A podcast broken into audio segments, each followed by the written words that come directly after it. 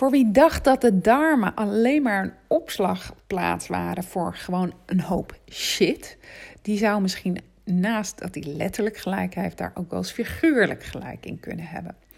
Uh, die darmen die lijken op het eerste gezicht nogal eenvoudig in elkaar zittend. Hè? Er gaat eten, poep gaat er doorheen en dat that's it. Uh, maar het ligt zit zoveel complexer in elkaar dan dat je denkt. Uh, mijn naam is Martine Trouw. Ik ben ortomoleculair therapeute. En ik ga het vandaag met je hebben over hoe je darmen je hersenen beïnvloeden. Nou, het mooiste voorbeeld van de signalen die bijvoorbeeld via de darmen aan de hersenen worden gegeven, is een babytje. Uh, die darmen de, de voeding komt binnen. Vervolgens geven die darmen het signaal af: wij zijn gevoed, er zit eten in. Vervolgens zijn ze dan ook nog eens een keer dronken van melk en genot. Een mooie zin die ik ooit een keertje tegenkwam in een, uh, in een babyboek. En ik vond dat zo mooi, omdat zo'n babytje zo tevreden is nadat hij die melk heeft gedronken. Of die darmen, die zijn leeg. En dan gaat het babytje huilen en jengelen om voeding. Of ze waren misschien wel vol en dan geeft hij uh, het signaal af: ik wil een schoon luier. Nou, bij ons gewone mensen, grote mensen, uh, wordt godzijdank niet elke poep en scheet doorgegeven aan de hersenen.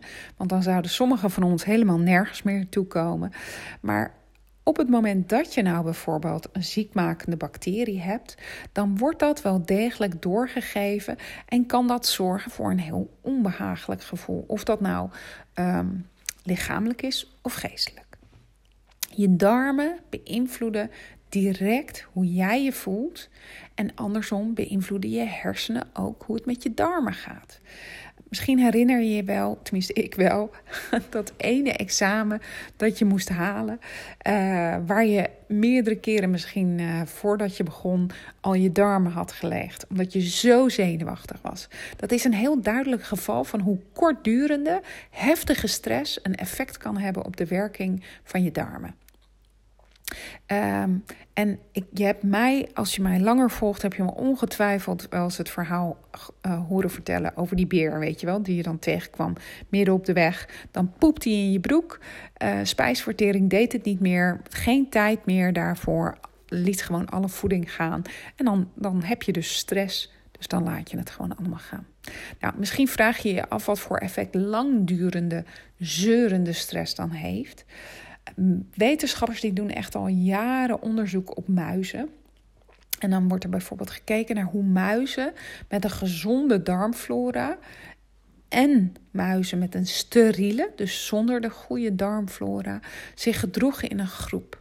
En dan blijkt dat degene die dus niet die gezonde darmflora hebben, veel meer risico's namen, eerder gingen vechten. Um, dus duidelijk gewoon niet goed in hun vel zaten. Uh, en muizen met een gezonde darmflora, die hebben meer overlevingsdrang als ze, ach die arme muizen, in een zwembadje werden gestopt waarin ze niet konden staan. Dan zwemmen, oh, ik word een beetje, beetje zielig, maar dan zwemmen ze een paar minuten langer door. Niet heel gezellig, maar wel waardevolle informatie. Nou, die signalen, uh, die bacteriën, die beïnvloeden via twee wegen je hersenen. De eerste is via de bloedbaan. Um, die bacteriën die breken voeding af tot signaalstoffen die de hersenen kunnen beïnvloeden. Maar ze produceren zelf ook signaalstoffen die via je bloed naar de hersenen worden gebracht. En daar worden bewerkt waardoor je gedrag en humeur veranderen. De tweede weg waarop de bacteriën je hersenen beïnvloeden, is via de nervus vagus, de reuzenzenuw, die van je um, billen zeg maar naar je hersenstam toe loopt. Uh, bacteriën die zetten darmcellen aan het werk om signaalstoffen aan te maken.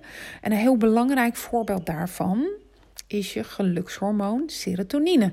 Een neurotransmitter die invloed heeft op je slapen, je geluksgevoel, seksuele activiteit, je eetlust. Meer dan 80% van dat stofje dat wordt aangemaakt in je darmen.